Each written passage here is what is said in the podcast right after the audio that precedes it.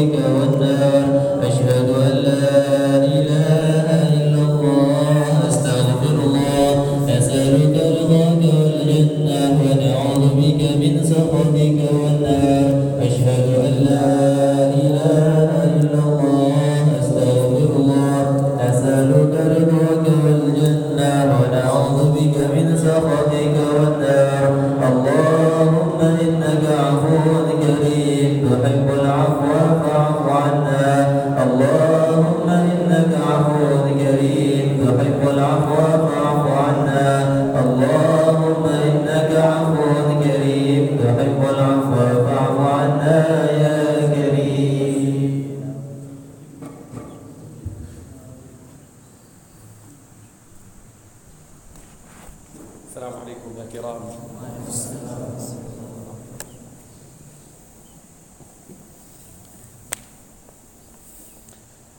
بسم الله الرحمن الرحيم. الحمد لله رب العالمين والصلاة والسلام على سيدنا محمد وعلى آله وصحبه أجمعين. اللهم يا وهاب ألهمنا الصواب وجنبنا الزلل. اللهم علمنا ما ينفعنا وانفعنا بما علمتنا وزدنا علما وفقها وهدى وإخلاصا يا أرحم الراحمين. أيها الأحبة إن أول آية نزلت على الحبيب المصطفى صلى الله عليه وسلم بل أول كلمة نزلت عليه هي اقرأ عن القراءة أتكلم. عن القراءة التي هي مفتاح العلم بل هي العلم كله.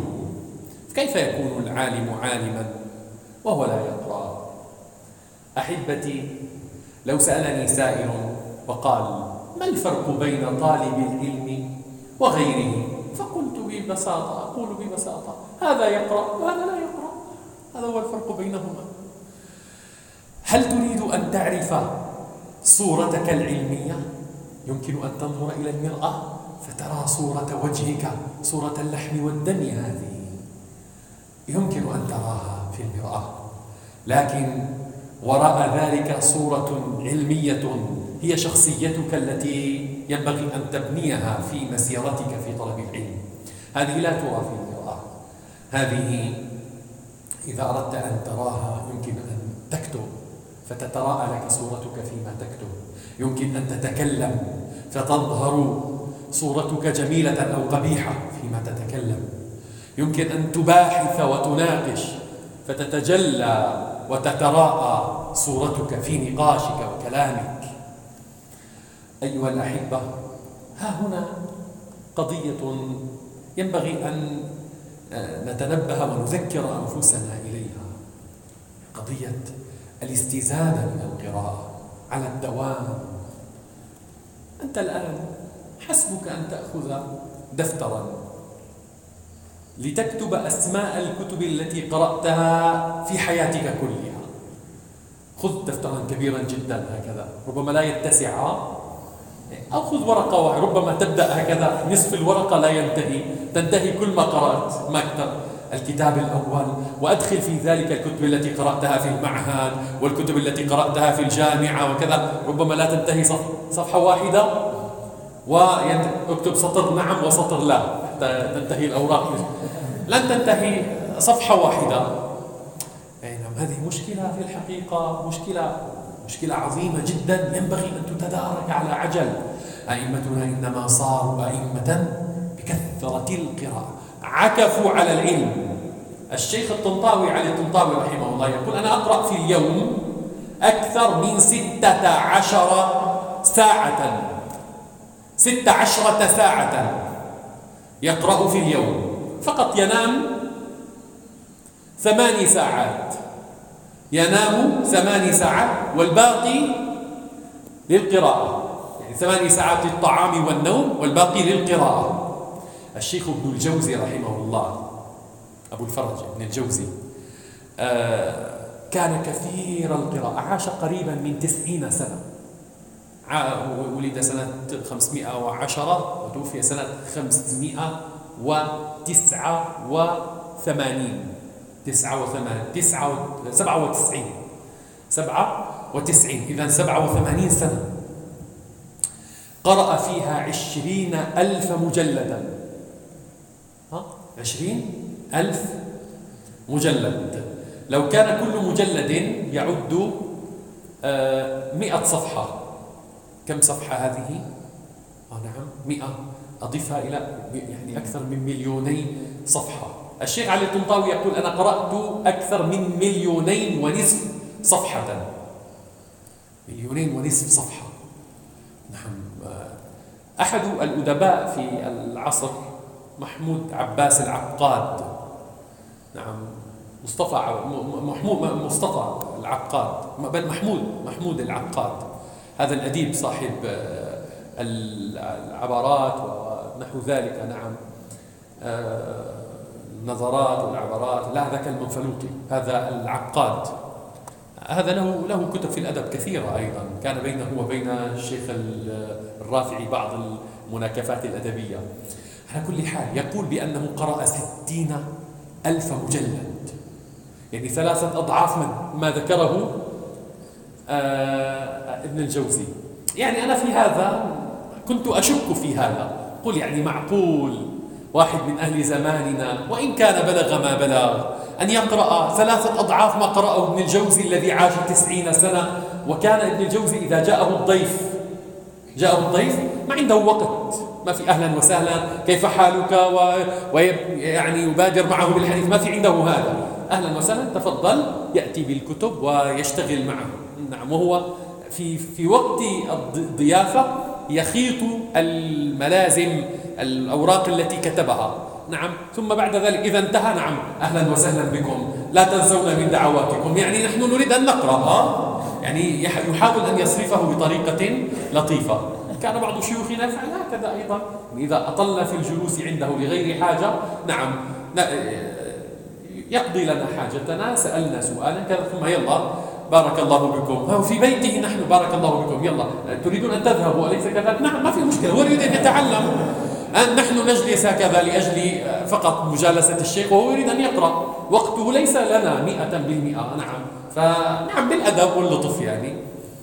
فأيها الأحبة الأوقات هذه التي نهدرها كميات كبيرة في شيء لا قيمة له. تريد أن تصير عالما؟ اقرأ واقرأ ثم اقرأ. تصير عالما إن شاء الله. اقرأ أي كتاب يقع بين يديك. لكن اتجه إلى شيوخك ليرتبوا لك سلسلة الأولويات. كم يفرحني أن يأتي إلي أحد إخواني الطلاب ويقول لي أنا أريد أن أقرأ. دلني على ما أقرأ. أفرح كثيرا عندما يحصل هذا لكن لا في الحقيقة لا أفرح كثيرا في هذه الأيام لأن هذا قليل جدا أن يحصل. آه نعم مع أنني قلت للإخوة تعالوا إلي وإلى المشايخ إلى الأساتذة. اذهبوا إلى الأساتذة. قول لهم نريد أن نقرأ. دلونا على الكتب التي تناسب أعمارنا تناسب مستوانا العلمي لنقرأها. الشيخ الشعراني رحمه الله رضي الله تعالى عنه. الشيخ الشعراني توفي سنة 973 نعم. يعني 973 يعني بعد قبل ابن حجر الهيثمي كان معاصرا للشيخ ابن حجر وللشيخ الرملي وترجم لهما الشيخ الشربيني. وترجم لهذه الكوكبة من العلماء في عصره في كتابه طبقات الصورة. كتاب لطيف يمكن أن تقرأه في ساعات قليلة. قرأ يعني في في يوم واحد يمكن أن تقرأ هذا الكتاب أو يومين إذا كنت تقرأ ثلاث أربع ساعات في اليوم. هذا كتاب مملوء بالفوائد عن أئمة عصر الإمام الشعراني. الشعراني رحمه الله له كتاب اسمه الميزان الكبرى. لا أريد أن أتحدث عن طريقة هذا الكتاب في أسلوبه في عرض الفقه فهذا يحتاج إلى محاضرة طويلة. لكن أريد أن أقول بأنه في فاتحة هذا الكتاب في مقدماته الطويلة لهذا الكتاب كتب مقدمات كثيرة. أو المقدمة طالت معه في فصول وهي كلها مفيدة جدا. يذكر أسماء الكتب التي قرأها بعض الكتب التي قرأها وعدد المرات التي قرأ تلك الكتب فيها. تعرفون كتاب الروضة للنووي؟ ثماني مجلدات فيما طبع. الشرح الكبير أكثر من في الطبعة الجديدة أكثر من عشرين مجلدا. يقول أنا قرأت الروضة أكثر من مئة وكذا مرة. والشرح الكبير كذا وكذا مرة. لا أدري أنا الآن لا أذكر. هل هل قال 150 أو قال 100 ارجعوا إليها. نعم. انظروا مئات المرات يراجع الكتاب الذي هو ثماني مجلدات. قرأه. قرأه. لا إله إلا الله. نعم. ثم الواحد منا يريد أن ينام ويصير إمام. ينام ويستيقظ فإذا هو إمام. ما يصلح هذا يا إخواني؟ بل لا يكون طالب علم إلا إذا كانت له أوراد من القراءة. ورد مشايخنا كانوا يقولون ورد طالب العلم قراءته. تنوي بالقراءة الذكرى وتنوي بالقراءة طلب العلم وتنوي. يكون ذلك من أعلى درجات القرب إلى الله تعالى. حتى إن آه، الأئمة كلهم نصوا على أن ساعة في العلم خير من عبادة سبعين سنة. سبعين سنة للعبادة. ساعة تفكر وعلم. آه الإمام ابن السبكي رحمه الله عاش ثلاثا وأربعين سنة. لا يزيد عن خمس وأربعين سنة. ما ترك كتابا من كتب الفقه التي وقعت تحت يده في مكتبة والده التقي السبكي إلا ونقبه وحرر كل مسائله وفصلها حتى لما آه، كتب كتابه طبقات الشافعية الكبرى الذي هو أحد مفاخر الشافعية في كتب الطبقات. لن تجد له مثيلا في طبقات الحنفية والشافعي والمالكية والحنف ما عند هؤلاء ابن السبكي ليكتب لهم كما كتب. نعم في الحنفية كتاب آه نعم في الحنفية كتاب اللهم صل على سيدنا محمد الفوائد البهية للإمام سيدي أبي الحسنات اللكنوي المتوفى سنة 1400 1304 1304 هجرية. نعم هذا كتاب لطيف في مجلد واحد فيه أنفاس الإمام ابن السبكي رحمه الله على طريقته في قراءة الكتب لكنه كتاب لطيف مجلد لطيف. وهو أيضا عاش دون الأربعين اللكنوي رحمه الله. انظروا هذا كم قرأ؟ كم قرأ حتى يقول لك فلان الفلاني نترجم نحن قرأنا بعض التراجم. فلان الفلاني من أئمتنا له كتاب كذا والكتاب. نعم كتاب ما في مشكلة لكن من غرائبه من انفراداته في المذهب انفراده في قوله كذا. نعم غرائبه كذا وكذا. من المسائل التي تستفاد منه. هذه كيف استنبطها لو لم يقرأ كتبهم؟ قرأ كتبهم وغربلها وأخذ فوائدها وحرر مقاصدها. أيها الأحبة لا يعد القارئ قارئا لكتاب. القراءة إنما تحصل فائدتها إذا كان آه الذي قرأ الكتاب حصل مقاصد الكتاب بحيث إنه لو سئل عن مسألة في الكتاب يعلم أن هذه المسألة في هذا الكتاب أو يعلم يذكر المسألة ويعرف محلها. نعم إما أن يعرف المسألة قراءة تذكره المسألة أو أن يعرف أن هذه المسألة في هذا الكتاب يستطيع أن يرجع إليه. أما أن يقرأ هكذا يلا قراءة سريعة هكذا ثم أين مرت معي هذه المسألة؟ والله كأنها لم تمر أصلا. أول مرة أسمع بها. إيه هذه ليست قراءة. القراءة هي قراءة تحرير تمسك قلما والمسائل المهمة تعلق عليها. فيكون لك لكل كتاب قرأته فهرس أن الفوائد. هذا شيء أنت تضعه. كتاب كذا نعم فهرسه كذا. أريد أن أرجع قبل أن ينتهي الوقت الذي لا أريد أن أطيل فيه. أريد أن أرجع إلى آه، العقاد. نعم الذي آه، يقول بأنه قرأ كثيرا لأنه بلغ ستين ألف كتابا. آه، أنا بلغني أن عن بعض الشيوخ أنه كان يستأجر من يقرأ له. يستأجر؟ من يقرأ؟ ما فائدة هذا؟ لا. يلخص له يلخص له مقاصد كان غنيا. خذ هذا مال من هنا. مال أنت تقرأ لي كتاب كذا. لكن ليس لأي أحد. العلماء والنبهاء. هؤلاء الذين يحسنون تلخيص الكتاب. ويستطيع أن يخرج لك مقاصده في صفحات قليلة. فتقرأ مقاصد الكتاب في صفحات قليلة. فيمكن أن تقول أنا حصلت مقاصد هذا الكتاب. إذا كان هكذا نعم. يمكن أن يكون قرأ ستين ألف مجلد. بهذه الطريقة. نعم أنا آه هذا أفهمه جيدا. لكن أن يكون قرأ هكذا يعني هذه تحتاج إلى كرامات. وأنا لست منكرا للكرامات ولكن آه يعني آه الله أعلم في هذا.